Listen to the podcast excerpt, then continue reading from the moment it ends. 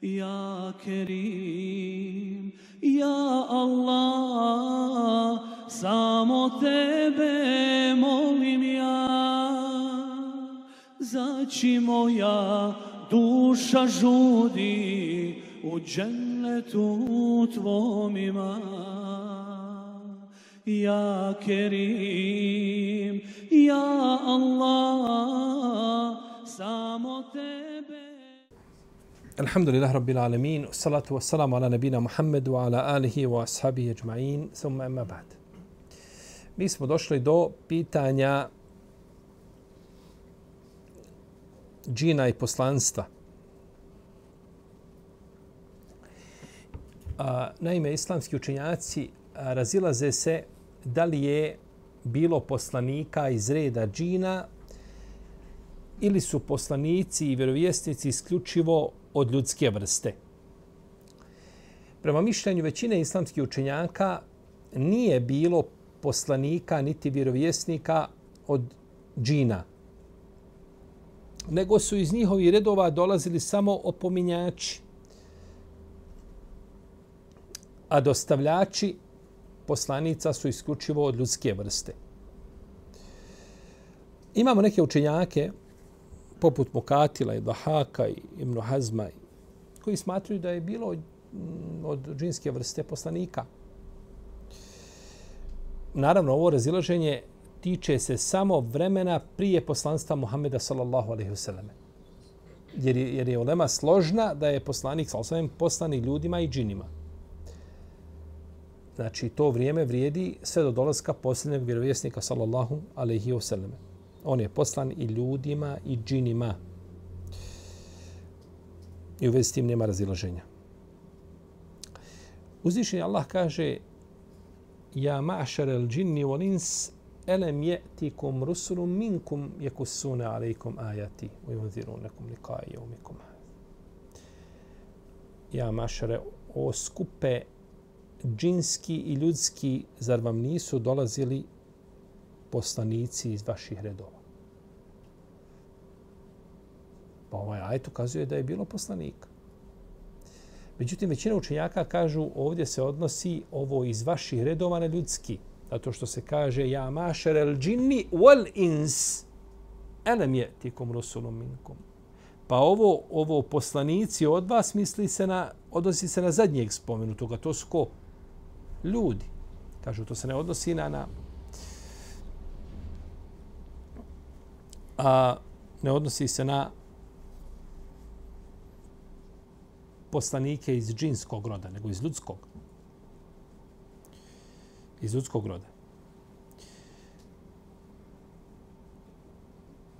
I uzvišen Allah kaže, a mi smo i prije tebe samo muškarce slali. Muškarce kojima smo objavljivali građane koji su živjeli u naseljenim mjestima Imam Kurtobi kaže, znači uzvišeni Allah je slao muškarce kao poslanike i među njima nije bilo žena i nije bilo džina i nije bilo meleka. Znači nikad melek nije bio poslanik i nije bio džin poslanik i nije bila žena poslanik.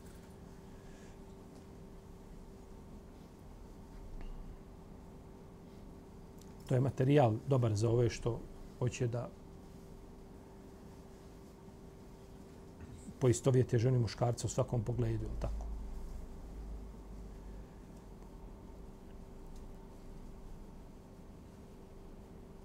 I tako kaže Ibn Kajim. Kajim isto tako kaže, citira rajt, kada ukazuje na to da uzvišeni Allah, Allah, da uzvišeni Allah nije kao poslanika poslao ni džina, ni ženu, ni pustinjaka. Ne može pustinjak obavljati tu ulogu. Ni žena ne može obavljati tu ulogu. Jer najveća iskušenja su imali ko? Poslanice, tako. I zamisla žena. Poslanik. Žena ima ulogu koju ne može obaviti muškaraca. Muškarcima koji ne može žena. I poistovijeti muškarca i ženu, to je van razumno. Da, tamo gdje ima poistovjećeno propisima, o pravima, o to je jedna strana. Međutim, u svakom pogledu da su isti, to je nemoguće.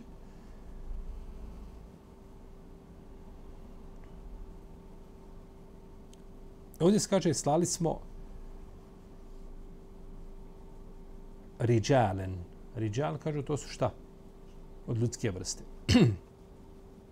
Međutim, mogu biti od, i od džinske vrste. Jauzune bi riđalim minel džin. Tražili su pomoć od ljudi od džina. Pa je riječ riđal korištena i za koga? I za, za džine. Međutim, apsolutna većina učenjaka kažu da nije bilo šta poslanika i vjerovjesnika od, ljud, od, od džinskog roda i te vrste, nego od ljudskog.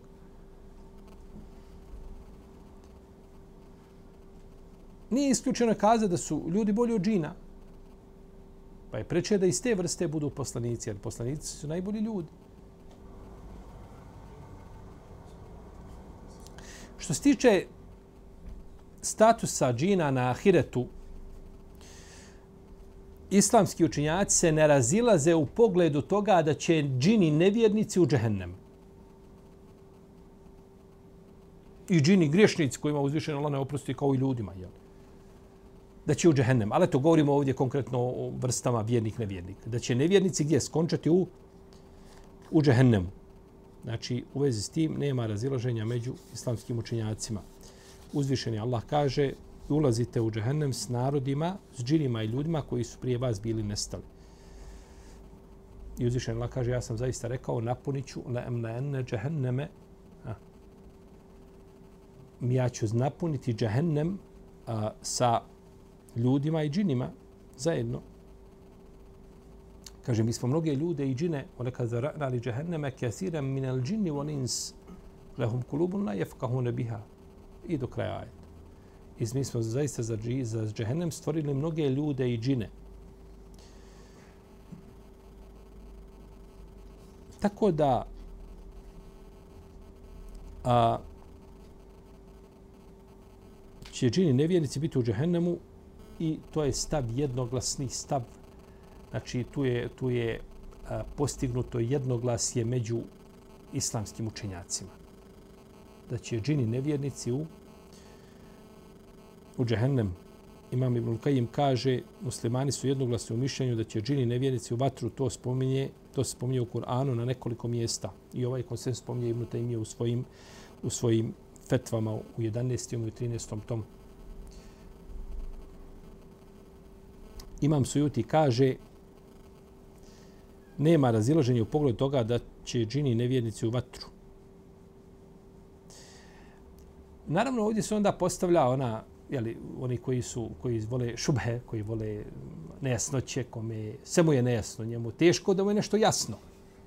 Kaže, dobro, kako će džehennem, on, džini stvoren od vatre, idu u vatru. Nije to njima nekakva kazna.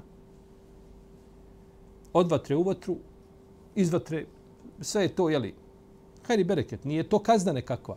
To je kazna za ljude, ali nije za džine. Naravno, to je površno svatanje dokaza i nada sve neispravno.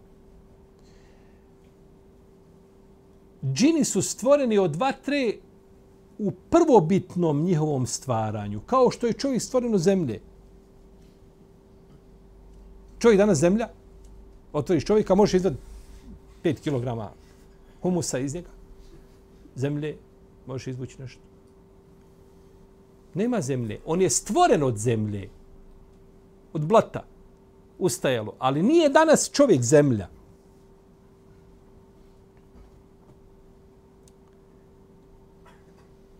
Tako i džini. Stvoreni su od vatre, ali nisu danas šta? Nisu vatra. Džini danas su skreću vatra. Pa Kad bi ušao u čovjeka, spalio bi ga. Ali tako, džin uđe u čovjeka, bez razilaženja može ući, o čemu ćemo govoriti kasnije. Spalio bi ga. Nije mu toplije, onaj koji ima džina, nije mu toplije. Ne, ne može se tako mjeriti. Taj svijet se ne može mjeriti tim na, našim svatanjima. I druga stvar, hajmo kazati da su džini vatra. To je vatra kakva koja ne prži, ne pali, posebna vrsta nekakva vatra. Zar uzvišeni Allah nije u stanju da kazni jednu vatru drugom vatrom? Definitivno. Se nije džahenem požalio uzvišenom Allahu da jedan njegov dio pojede drugi. Vatra pojede šta? Vatru. Tolika je žestina džehennema da jedan dio nije mogao izdržati, vatra nije mogla izdržati tu vatru drugu. Pa se požalio gospodaru, pa je dozvolio dva oduška džahennemu. Kod Buhari, kod muslima hadis. Tako da, znači, znači mogu biti, kaže, kao što čovjek može biti, da uzmeš komad zemlje veliki, onaj, onaj, izvališ ga, onako udariš čovjeka po glavi, osjeće bol. Iako je on stvoreno zemlje. To je prvo bitno stvaranje. Nije sada čovjek zemlja, nisu džini sada vatra. Ali kažemo, čovjek je zemlja i od zemlje na osnovu toga kako je stvoren naš pravotac, šta? Adem, ali je tako? Pa, ovaj takvo razmišljanje znači nije nije dobro, nije ispravno. Naravno, što se tiče i džina vjernika, e tu postoji razilaženje. Jedni kažu bit će u džennetu, drugi kažu nema ništa od toga. Neće u džennet. Oni neće u džennet.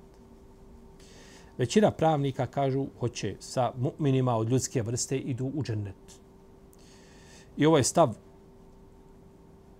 imama Malika, Šafija, Ahmeda, Ebu Jusufa, Muhammeda ibn Hasana, Šajbanija, učenika Ebu Hanife, Euzaije ibn Bilejla i drugi učenjaka koji kažu hoće. Uzvišeni Allah u prethodnom ajetu kaže Ja mašer al džini u lins, ene mjetikum rusulu minkum je kusuna alaikum ajati. I onda nakon toga kaže Voli, aha, šta kaže? O skupe džinski i ljudski, zar vam nisu dolazili ko? Poslanici. I onda na kraju kaže tamo voli kullin deređatu mimma amilu i kaže svima njima pripadaju deređe prema onome što su činili. I ljudima i, i džinima. I u, kada je govorio u kontekstu ljuda i džina, uzvišen Allah kaže وَلِمَنْ خَافَ مَقَامَ رَبِّهِ جَنَّتَانِ a onoj ko se bude bojao stajan pre svojim gospodarom, njemu dva dženecka prevoja pripadaju. I ovo je najjasniji ajet u vezi sa ulaskom džina u, gdje u džennet. Možda u džennet, je li tako? Sam rekao u džennet. Ovo nije od prima da neko kaže, dobro, zašto mi govorimo? Tam, šta mene zanima? Će džini, šta će biti sa džinom? Ovo je pitanje akajitsko tiče se gajba nevidljivog svijeta i da potvrdimo ono što je Kur'an potvrdio, a negiramo ono što je Kur'an negirao. S te strane, uprotivno tačno da mi nemamo ništa sa džinskim svijetom i ovaj, međutim, ovaj, e, da čovjek ne treba o džinima ništa znati, ne bi nam uzvišeni Allah spomnio džine. I meleke, i svijet gajbi i tako dalje. Šta ima gajba o kojoj ima nam uzvišeni Allah ništa nije govorio. Ima poslanika o kojoj ima nam uzvišeni Allah ništa nije govorio. Tako? Kazao nam ono što trebamo da znamo. I dužni smo zato da to potvrdimo.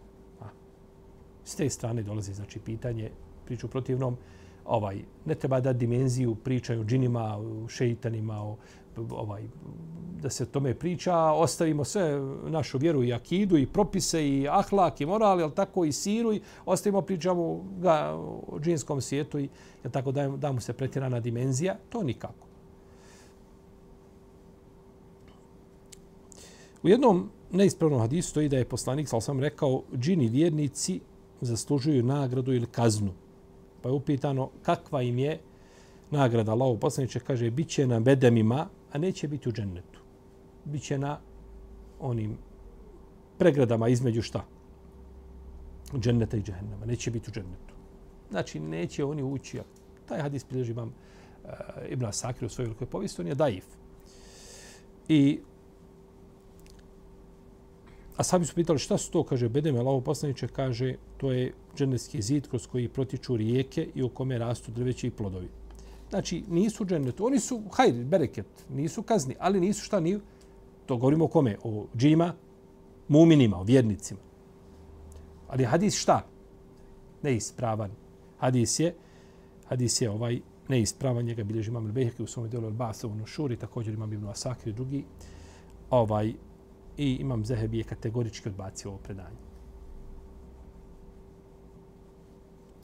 Ima jedan hadis koji je gotovo nepoznat, u njemu se spominje da će biti u predgrađu dženneta. Imaće on tamo posebno jedan dio, ha, i da će ljudi njih vidjeti, a oni neće vidjeti ljude.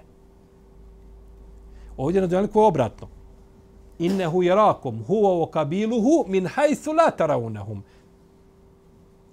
Oni, njegove vojske, vas vide, odakle vi ih ne vidite. Vi ih ne možete vidjeti. A u džennetu će biti obratno.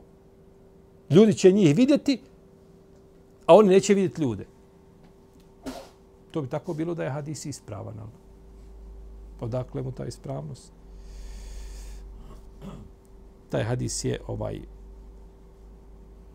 spominje ga šehol islam im temi u svojim fetvama i pripisuje ga mamu Tabarani u njegovom malom mođemu. Međutim, nije poznat on kod hadisa. Niti ga spominju, niti, niti mu posvećuju nekakvu pažnju. Znači, samo to što, što mu ne posvećuju islamski učenjaci pažnju i ne spominju ga nigdje, ukazuje da taj hadis sam po sebi nije, znači, ovaj prihvatljiv. Jer nemoguće da islamski učenjaci zanemare, pričaju, govore o, o određenoj tematici, o džinima, hoće li, hoće li šta? Jer ovo bi dokaz bio da džini ulaze gdje ipak u u džennet. I ne spominju ga islamski učinjaci, to, to e, jako rijetko ili nikako da možete naći taj hadis. To samo po sebi ukazuje, znači dok su zaobišli islamski učinjaci, da to nije ovaj a, a, a, rivajet na koji se može neko osloniti. To je tako globalno. A? Može ponekad biti da je hadis da, da, da se manje koristi, da bude vjerodostojan, ali uglavnom islamski učinjaci se pozivaju na, na, na autentična predanja, našto po pitanju, po pitanju gajba. Hrana džina. Islamski učinjaci imaju različito mišljenje u vezi s hranom džina. A šerijatski dokazi potvrđuju mišljenje učinjaka koji kažu da se džini hrane, da jedu, znači piju. I u vezi s tim ima vjerodostojnih, nekoliko vjerodostojnih hadisa. Ibn Masud radijallahu je upitan da li je neko od ashaba bio prisutan sa Allahovim poslanikom sallallahu sallame u noći okupljanja džina. Pa je rekao nije, međutim, kaže, bili smo sa Allahovim poslanikom, sallallahu alejhi te noći pa je negdje otišao. Kaže, pa smo se digli da ga tražimo. Pa smo ga tražili po teljcima, jarugama, dolinama. Nema, nema poslanika, sallallahu alejhi Pa smo pomislili da ga neko kidnapao, da ga je ubiti, sveč o tome. Kaže, pa smo proveli najtežu noć u životu. Kaže, pa je ujutro kada je osvanulo, vratio se iz pravca Hira, brda. I kaže, Pa su ga obavijestili, lao poslaniče, tako i tako mi velika nas briga snašla, gdje si, šta si, kaže, a došao mi je, kaže, zaslanik od džina, pa sam otišao s njim i učio im Kur'an. Pa nas je, kaže, odveo do tog, tog mjesta i pokazao, on kaže, njihove tragove i po, po, pokazao tragove njihove vatre. Tražili su od njega da im odredi koju će hranu jesti, pa je rekao, vama pripada svaka kost životinje pri čijem je klanju spomenuto Allahovo ime. Znači vidite da oni se vežu za šta? Propise. Ne možete jesti ono pri čijem Allah, klanju nije spomenuto Allahovo ime. Neko zakolje i namjerno ostavi Allahovo ime, neće da spomeni. Baš neće. I zakolje. To se može jesti. Haram jesti. Ako zaboravi, to je razilaženje poznato među ulemom. Ko zaboravi? Tu se razilaže ehlu sunnet, uh, ulema ehlu sunneta ako čovjek zaboravio zaklo, pa sjeti onda, imao namjeru da kaže i za, jeli, zaboravio. Ali namjerno ko ostavi neće, nikako to ne izgovara, nema to kod nje, kakva bismila, ništa, to samo kolje i jeli, to se ne može jesti. Pa vide ovdje da su, znači, jedu kosti, ali pri čijem klanju je spomenuto šta? Bude halal kost. Tako. Treba li kost za supa biti halal? Isti je propis. Znači, čovjek jede samo ono što je pri čijem klanju spomenuto Allahovo ime i nije spomenuto ime nekakvih božanstava, nekakvih idola, kipova, nekome u, se čovjek približava nekome koljući.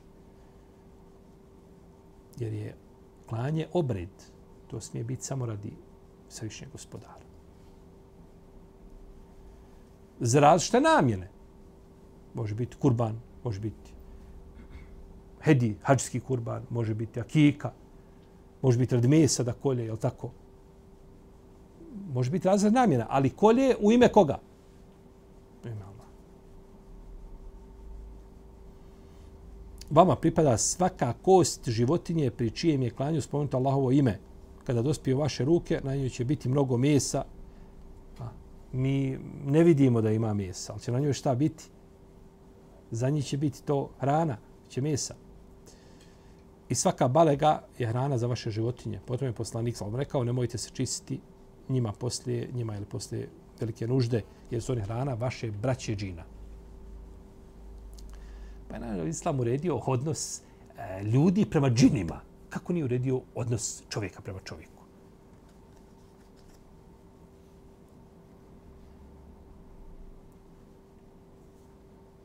Ali šta je problem? Problem je kad ti obučeš odjeću kauboja i staviš pištolj za pas. E, to je problem. Kad se ne poštuju šta? Propisi. To je problem. Kada bi čovjek da bude da bude kauboj u islam, da je to nekakva ona, islamska odra, piše na pozada la ilaha illallah. To je dovoljno. Da moraš ponašati u skladu kako je uzvišen Allah propisao da se ponašaš prema ljudima prema prijatelju i prema neprijatelju. I u ratu i u miru. To je odlika dini islama. Ima predanje od kod Ebu Nuaima da je poslanik sa osvijem rekao Iblis je uspitao svevišnjeg Allaha sa svojim e, svim stvarima, kaže, si pojasnio si njihovu obskrbu, pa šta je moja obskrba? Kaže, ono pri čijem klanju nije spomenuto Allahovo ime. Tako. Ti si nepokornik, ti jedeš ono što je haram. A u jednoj daji Ferziji stoji da je jedna delegacija džina došla kod poslanika sa osaleme i a, rekli mu o Muhammede zabrani svojim sedmenicima da se nakon nužde čiste košću, balegom i ugljem. Kaže, nama je Allah u tome dao obskrbu. Pa je to, kaže, Ibn Mesud poslanik sa zabranio. Ali hadis slab. Ako muslima se navodi da šeitan jede i pije, Ibn Omar radijallahu kaže da je poslanik sallallahu rekao kada neko od vas jede, neka jede desnom rukom i kada pije, neka pije desnom rukom, jer šejtan jede i pije lijevom rukom. Znači, džini jedu i piju, imaju hranu. Kako jedu, kako piju? Imaju li oni probavni sistem? Šta? To nije naš. Da, dovolj da kažemo jedu i piju. Kako došlo? Šejtan jede i pije šta?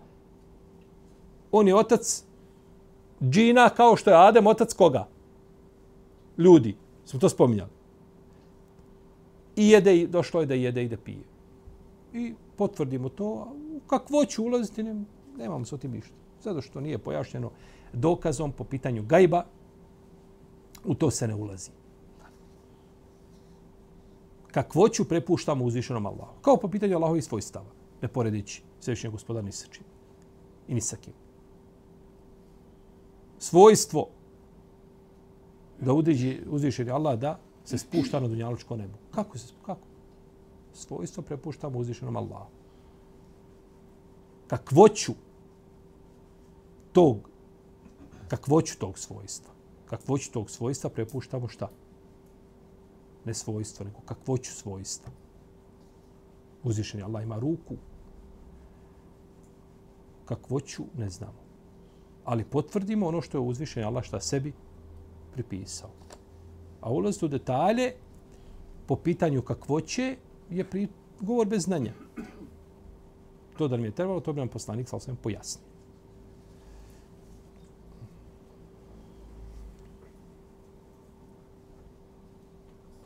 Džabir da on kaže da je čuo vjerovjesnika sa osaleme da je rekao kada čovjek uđe u svoju kuću i pri ulazku je i pri jelu spomene Allahovo ime, tada šeitan kaže nema prenošišta, nema večere. Ako uđe u svoju kuću i pri ulasku ne spomene Allahovo ime, šeitan kaže ima konak. A ako ne spomene ime i kada jede, onda ima i konak i znači onda je hajr, onda je, je tako? I konak i večera.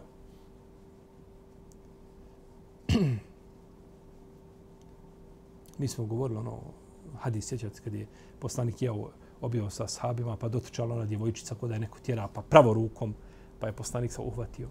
Je tako? ovaj, za ruku, pa je došao Beduin, pa i on tako, pravo i ruka usred.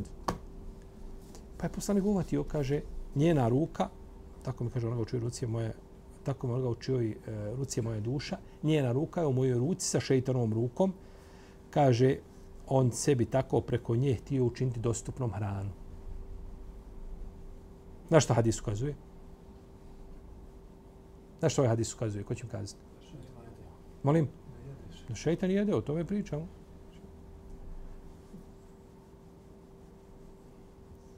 Ma, ukazuje da šeitan ima ruku. Jel u redu? Mi ne pričamo o tome. Šeitovna ruka je u mojoj ruci s njenom rukom. Ne pričamo o ruci, nego pričamo o čemu? O tome da šeitan konzumira šta? Hranu, da jede. Ženitba džina. Džini se žene imaju potomstvo kao i ljudi. Uzvišen Allah za Iblisa kaže pa zar ćete njega i porod njegov pored mene kao prijatelje prihvatiti? Efete tehizunehu o zurdijetehu eulija eminduni će i prihvatiti vi njega i njegovo šta? Potomstvo. Pokazuje da se žene. Ibn Hajar al-Hejtemi kaže u ovom ajetu je dokaz da, džini, da se džini žene radi potomstva. Znači kao i ljudi, razmržavaju se. Jer su stvoreni da obožavaju uzvišenog Allaha. Oma halektul džine volim se ilan ja. Pa se razmržavaju i, jel tako, obožavaju gospodara kao što obožavaju ljudi.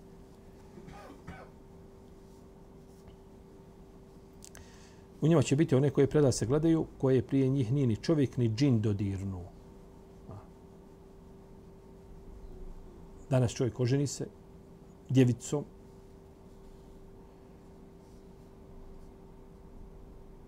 Nije nikad imala momka. Nije momka momak dodirnuo. Ali ne znam dodirnuo ko? Džin. Ali za ove dženecke se kaže ni čovjek, ni džin. Niko. To je tebi, za tebe.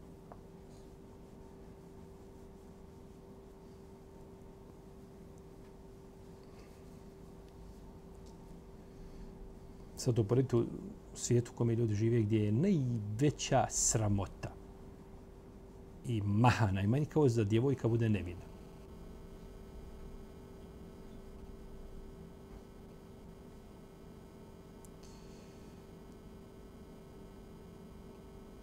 Imam Šativi ibn Hajar mi kažu iz ajeta se zaključuje da su džini u mogućnost činiti tams. Tams. Lem jatmis hunne insun kablahum valađan. A to je, to je, jeli da, intimno opće i da razdjeviće. To je značajno.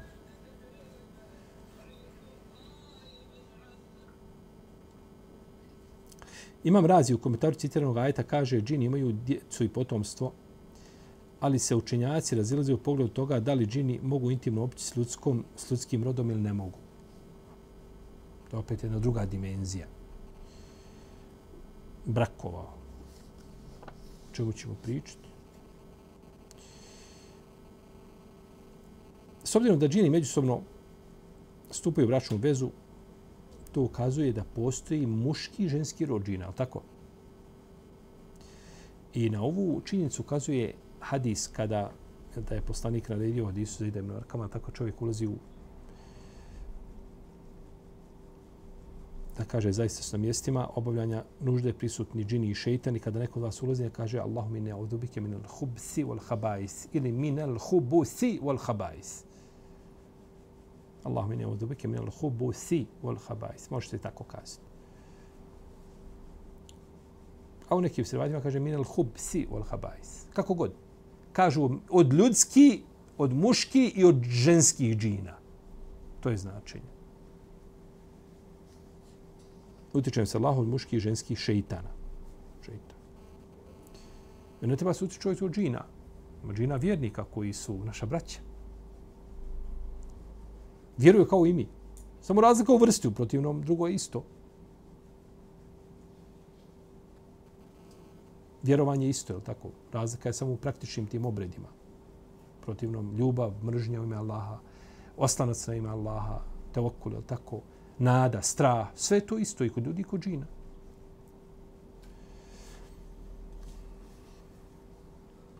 Pa su islamski učenjaci ove el hubus wal habais protumačili kao muške i ženske šeitane.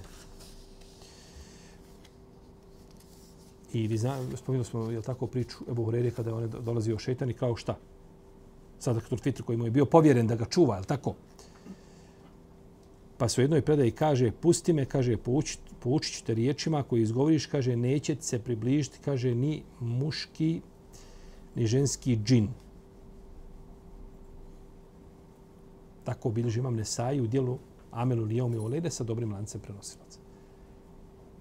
Pa ukazuje da imaju šta, muški i ženski džini, je li tako? A u vezi Ibn Durejsa stoji neće se približiti ni muški, ni ženski džin, ni veliki, ni mali.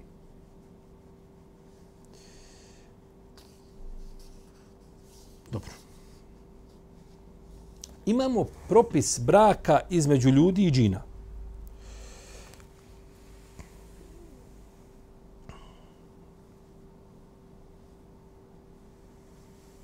Dosadi mu njegova vrsta, hoće on iz druge vrste da se ženi. Neki učinjaci smatruju da ponekad dolazi do braka između ljudi i džina. I da imaju zajedničko potomstvo.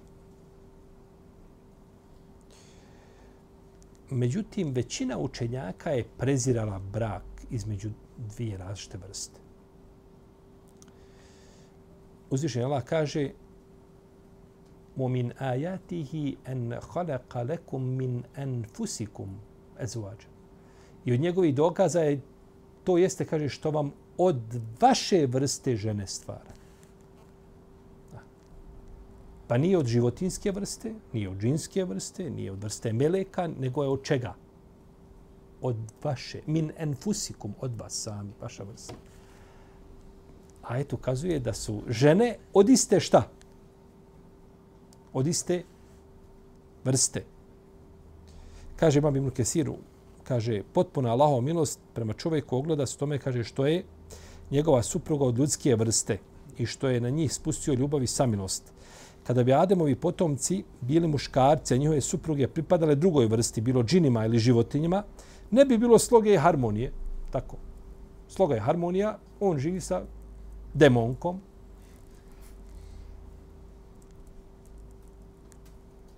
Ona živi sa cukom sloga i harmonija u braku. Slušaju se, paze se. Subhanallah, od iste vrste stvorio da bude šta? Samilost.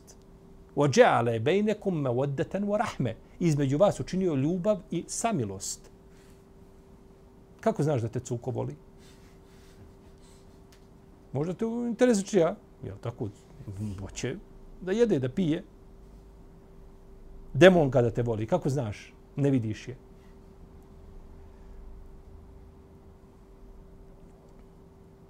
Kaže, ne bi bilo sloge i harmonije među njima i njihovim suprugama da su različite vrste.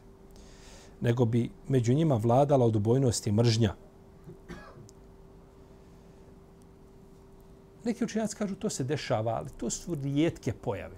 Rijetke su pojave da stupe u brak.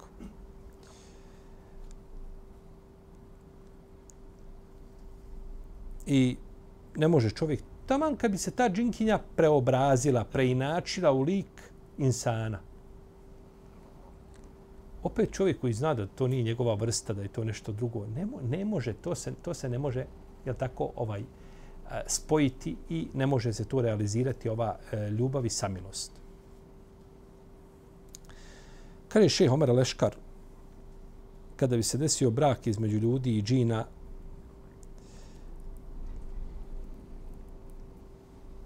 u tom braku ne bi bilo sklada niti harmonije. Zbog veliki različite među supružnicima. Vi ste čuli za Omra Laškara, ali tako? Njegove knjige su prevedene kod nas. Ja sam šeha vidio prije njegove smrti na kratku u haremu. Klanja, pa sam sjeo pored njega i nije završio. Pa sam ga iskoristio priliku da vam postavim par pitanja i vratio se nakon toga u Jordan i preselio rahimahullah ta'ala. Jako mnogo. I mislim da ima oko stotinu dijela napisano.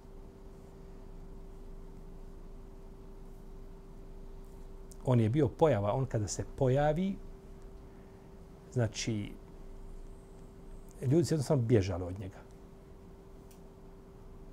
Takvo je poštovanje imao pred ljudima. Bježali od njega u smislu, jeli, stide se stati sa njim i razgovarati. Tako je poštovanje imao među ljudima, među učenicima. On je predavao dugo na fakultetu. Kaže, še Omar, kaže u tom slučaju ne bi bila ostanena svrha braka budući da nije moguće uspostaviti među supružnicima sira i ljubav koji su spomenuti citranom majetu. Hasan al-Basri i Katada i Al-Hakem smatrali su pokođenim brak sa džinima. A Ibn Am, Imam Ahmed je zabranjivao to kako spominje Ibn Kajim. Da je zabranjivao brak sa džinim. Imam Ibn Džajm El-Hanefi kaže, budući da je potvrđena zabrana ženitbe čovjeka sa džinkinjom, zabrana ženitbe džina sa ženom, ljudskog roda zabranjena je po principu prečeg i boljeg. Ako on ne smije džinkinju ženiti, onda je preče da ne udamo muslimanku za koga? Za džina.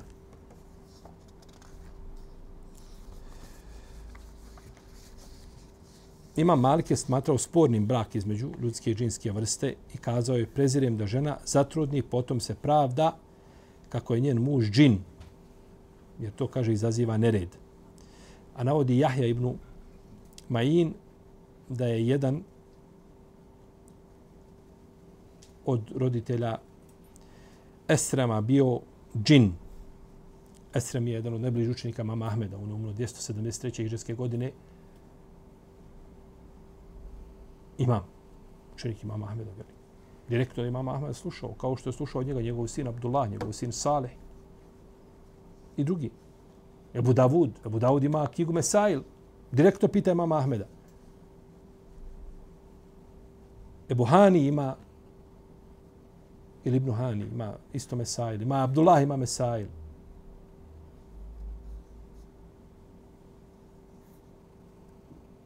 Ima Mesail od Keuseđa, Keuseđa preko Rivajet Keuseđa od imama Ahmeda i Ishaka ibn Rahavoje. Su imami veliki, veliki imami. gdje oni su doživjeli Ovo kasnije kad je došla neka ulema koji je došla koji sledbenici mama Ahmeda koji su nakon toga došli, um, ovaj Elber Berbahari, ne znam, Ibn Batta i tako dalje. Oni su bili kasnije čuli za imama, nisu ga vidjeli svojim očima. A ovi su direktno uzimali od imama Ahmeda znanje. A uzimati direktno od imama Ahmeda znanje, to je, to je ponos na dunjalu koji je na ahiretu. Rahmetullahi alaihi. Imam al-Mawardi kaže, zdrav razum kategorički isključuje mogućnost da je jedan od roditelja Belkise džin. Zbog velike razlike između prirode dviju vrsta ljudi su tjelesna, a džini duhovna bića. Čovjek je stvarno sasušene ilovače, a džini od plamena vatre. Nije moguće spojiti i pripisati im porod sa svim ovim razlikama. A imam sujuti govoreći o braku između ljudi i džina, kaže, ubijeđen sam da je to zabranjeno iz više razloga. Potom je spomenuo nešto od toga. Ja ću spomenuti ovdje nekoliko nedoumica i nejasnoća u vezi sa bračnom vezom između ljudske i džinske vrste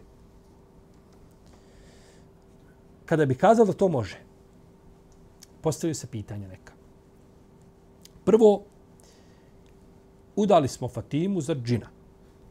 Oni su nešto dogovorni, dvoje dopali se i mi udamo nju za džina. Taj džin, je li on musliman ili idelo poklonik? Kako ćemo znati? Može li doći kao idelo poklonik da kaže ešhedu en la ilaha in Allah wa ešhedu ene Muhammed? Ne znaš, nije ga niko vidio, niko o njemu ništa ne zna. Mi znamo, Mohameda znamo, došao Mohamed da ti prosi kćerku. Mohamed svakoga zna.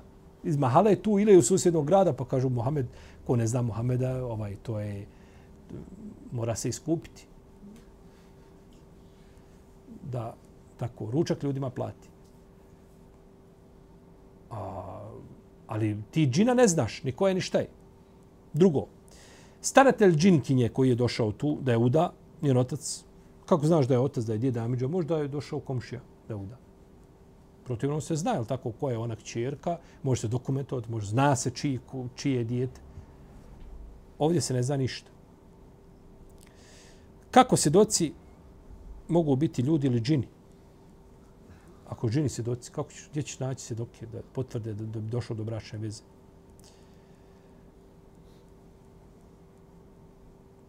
I da li je opće svjedočenje džina u tom slučaju mjerodavno? Ili mora biti svjedok ko? Od ljudske vrste. Mlada od džinske vrste, ali svjedok mora biti od ljudske vrste.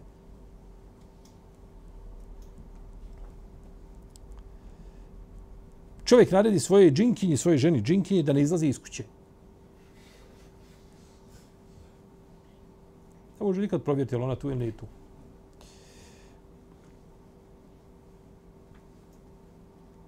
Ne može, ne može kontrolirati njene izlaske. Dobro, na osnovu čega vjeruje toj džini, toj demonki koju ženiš? Kako je, kako je možeš vjerovati da ona nije u braku sa drugim čovjekom? S džinom. Može to da kazati. Za ženu se zna. Ne može to da, da u braku s jednim drugim. To danas, ovaj, i prije, u prijašnja vremena, to se lahko otkrije. Ili da nije u vremenu pričeka. Nakon razvoda mora provesti vrijeme. Da li priček vrijedi za njih isti? Ili da nije trudna?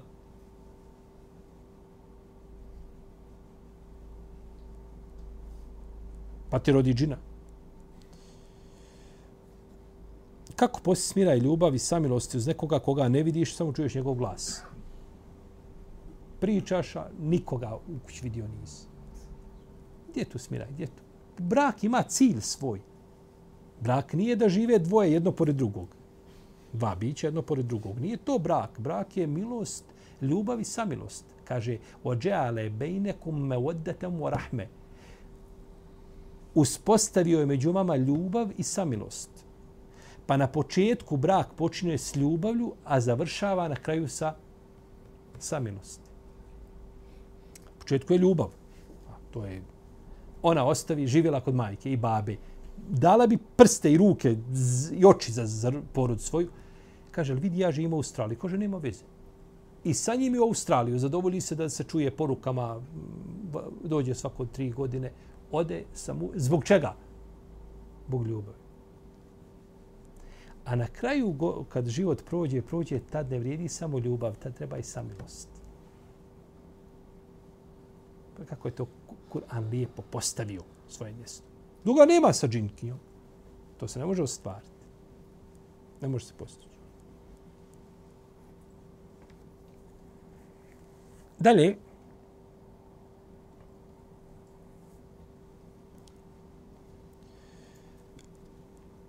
ako se činkinja preobrazi u drugi lik i tvrdi da je to ta, ja sam ona prvotna, znaš, samo sam sad drugačija malo svaki dan druga žena. Ima li on pravo da sa njom živi bračni život?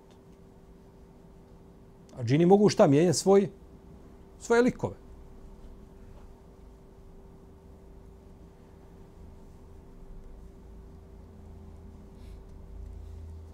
Kako će hraniti i odjevati svoju suprugu kada su hrana i odjeća i sve se razlikuje?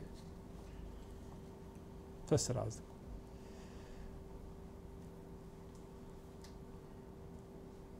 hoće li potomstvo ljudi i džina biti od ljudske ili džinske vrste ili će to biti neka takva, nekakva treća vrsta, kombinacija? Popola nešto. Providno. Vidiš, kreće se, ali providan. Kakvo je to biće koje dolazi nakon toga?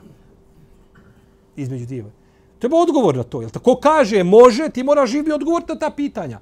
Meni je to nejasno. Ti odgovori kako ka to, to što biće, što dođe, kako će izgledati. A logično je da uzme nešto i od jedne i od druge, jel tako, strane kako će izgledati to biće. I ima li takvi bića da je bilo su ženi pa izrodili djecu pa bilo nešto? Osim slučaja koga ćemo spomenuti, ovaj iznimnog. Naravno, koji je svakako problematično.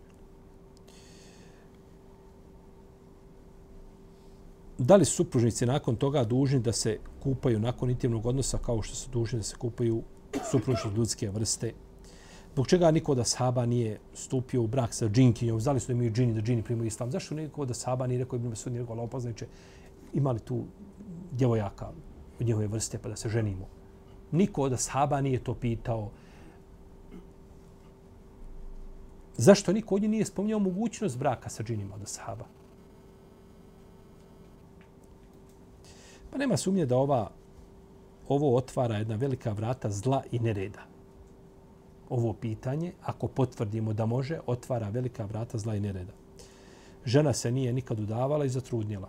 Kaže, ja sam se Bogom udala za džina. Dobro, a ba, kaže, ja sam se udala po mišljenju učenjaka koji kažu da ne treba staratelj. Mi smo sjeli, dogovorili se, ona je zatrudnila. I on me nakon toga razveo i otišao. I brak ispra, ispravan brak šarijatski. Po mišljenju učenjaka koji šta? Jer ko, ko smatra da ne treba staratelj prilikom zaključenja bračne veze, ona ko, se, ona ko je to njegovo mišljenje u koje on ubjeđen i tako Allaha obožava i zaključi taj ugovor u instituciji ili pred kadijom koji tako e, smatra i tako, to je, to je brak ispravan šerijatski, nije to nemoralno. To je pitanje fikskog razilaženja među ljudima, među, među ulemom, je li tako? To čovjek koji je zastupao mišljenje da, da, da i znao argumente i dokaze zastupao da taj brak nije ispravan, to je drugo nešto. Protivno moral kaza da su brakovi svih učenjaka koji smatraju da ili sledbenika, je tako, a, mišljenja da brak može bez staratelja, ono kada je to nemoral. To nije kazao niko od učenjaka. I tako se otvara jedna vrata zla.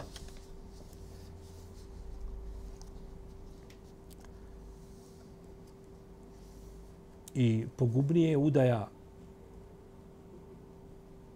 žene od ljudske vrste za džina, nego da se muškarac, čovjek, ženi sa džinkinjom. A jedno i drugo je problematično. Tako da nije ovo osnovano. Nije ovo mišljenje osnovano, nije jako. Nema, nema autentičnih hadisa u vezi s tim. Imam Elalusi, govoreći o nemogućnosti izvodljivosti braka između ljudi i džina, kaže ako se džinki, ako, ako džinkija zatrudni s čovjekom, hoće li dalje ostati elegantno i nevidljivo duhovno biće, a dijete materijalno tijelo koje se vidi ili će i dijete biti kao majka nevidljivo. Šeh Albani kaže ovako, razum ne može pojmiti brak između ljudi i džina kao što ne može dokučiti njegovu stvarnost već samo isključuje tu mogućnost. Vjerovanje u ovu pojavu zahtjeva jasan ispravan dokaz, a hadis u vezi s tim koji prenosi Ebu Horene nije ispravan. Allah te nagradio, še Albani. Odmorio se nam razumeo.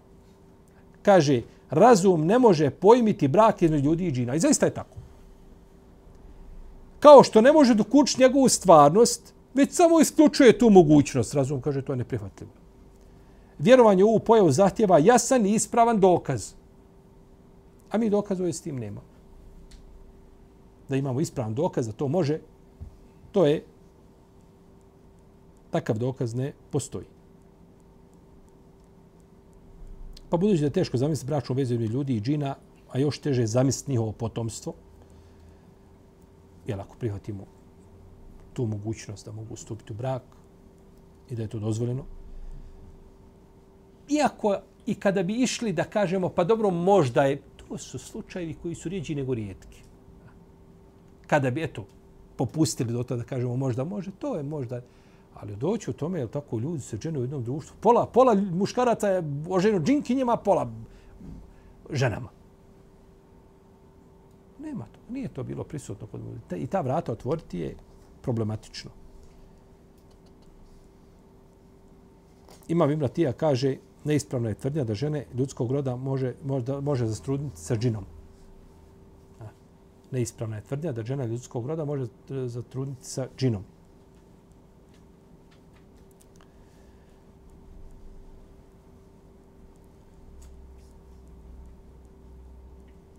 Gdje je šeretski logički dokaz da može doći do braka i do potomstva između ljudi i džina?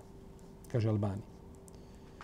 Imamo nekoliko predanja koje su neispravna po pitanju u vezi s ovim. Imam Ibn Šihab iz Zuhri kaže prenosio da je poslanik al zabranio brak sa džinima, to je slabo predanje. Da je jedan od roditelja Belkise bio džin, to je hadis Ebu Hurire, koga je Albani spominjao. I ono rekao hadis Ebu Hurire šta? Daif. I taj hadis misli. Hadis Ibn Omara neće nastupiti sudnji dan dok džini ne budu imali mnogo djece s vašim ženama i ne, bude, ne budu učesnici u vašem potomstvu. Daiv. Hadis zaista su dvopolci djeca džina. Daiv.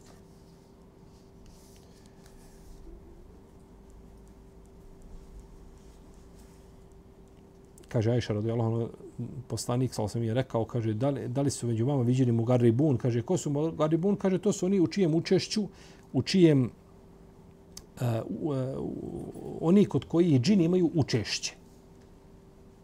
Misle su učešće da zatrudne ali to je daiv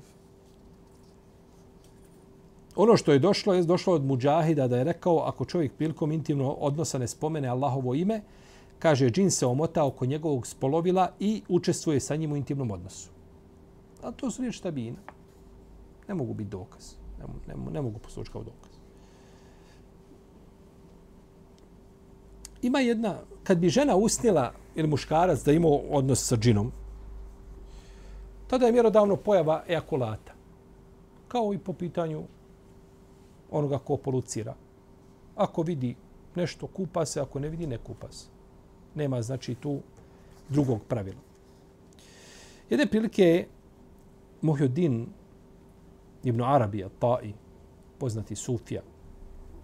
On je ovaj autor dva poznata dijela.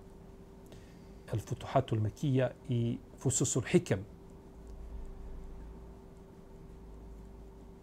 ta Fususul Hikem je prevedena na naš jezik. Da Bog do da nije. Da Bog dodaje nije preveo onaj ko je preveo. On ima izraza koji su belaj. On u svom dijelu Fususul Hikem kaže za uzvišenog Allaha kaže a'buduhu wa ya'buduni. Kaže, ja njega obožavam i on mene obožava. Njega se, većina sufija se njega odrekla. A, I stoga su mnogi islamski učenjaci njega proglasili kao heretika. Ima oni koji ga doživljavaju kao evliju, kao, ali veliki broj učenjaka, jako veliki broj imama umeta, ovaj su kritički nastupali, nisu ga nisu prihvatili njegovo učenje.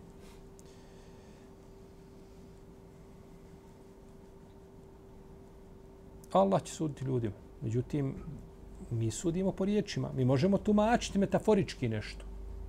Da. Kažeš, mene moj gospodar obožava.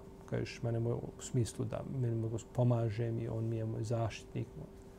Izrazi se na ispravan način. Ali pričat nešto što treba nakon toga da se polomiš, da ti to ovaj uviješ i, i da mu daš nekakvu drugu dimenziju i značenje, to je belaj.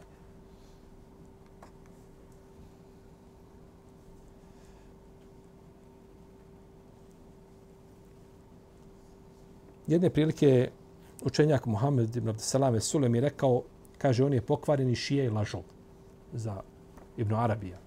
Ibn Arabi, Muhyuddin, nije to Ibn, Ibn Arabi, El Maliki, to je, to je imam, učenjak.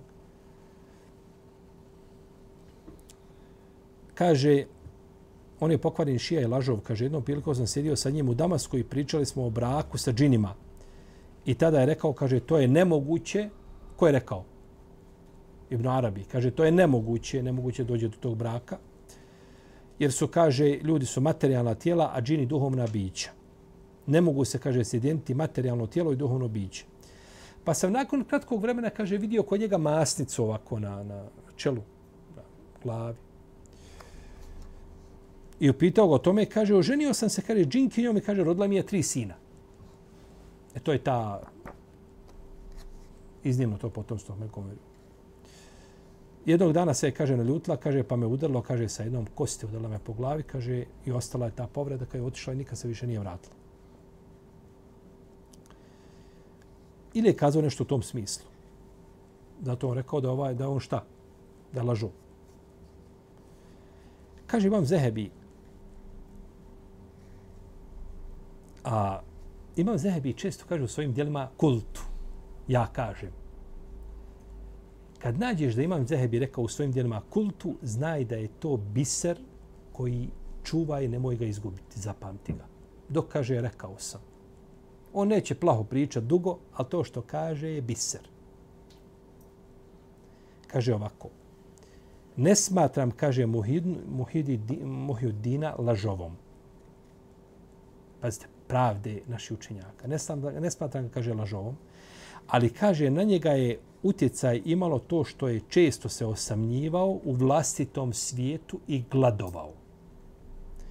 Kaže, to je kod njega rezultiralo nezdravom maštom i jednim vidom demonskog izbezumljenja. Ja Allah, kako je to Zehebi skratio, analizirao, nije lažo. Ovaj rekao, pretovno je rekao, Muhammed Abdel kaže lažo.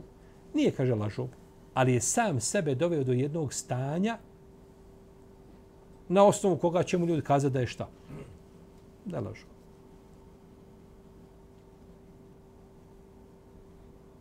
Uzvišen ono Allah neće od nas da se patimo glađu.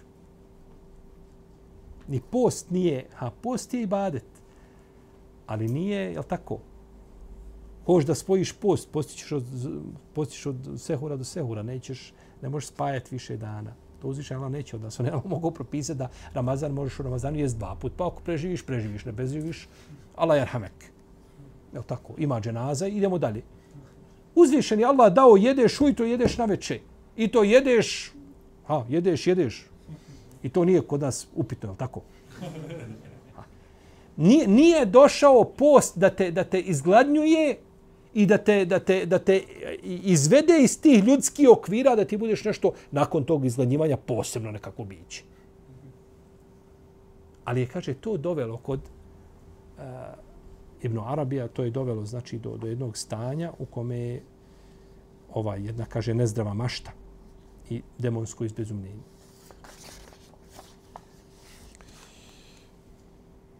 Allahu ta'ala. Sallallahu ala sallam. Muhammed wa ala alihi wa sahbihi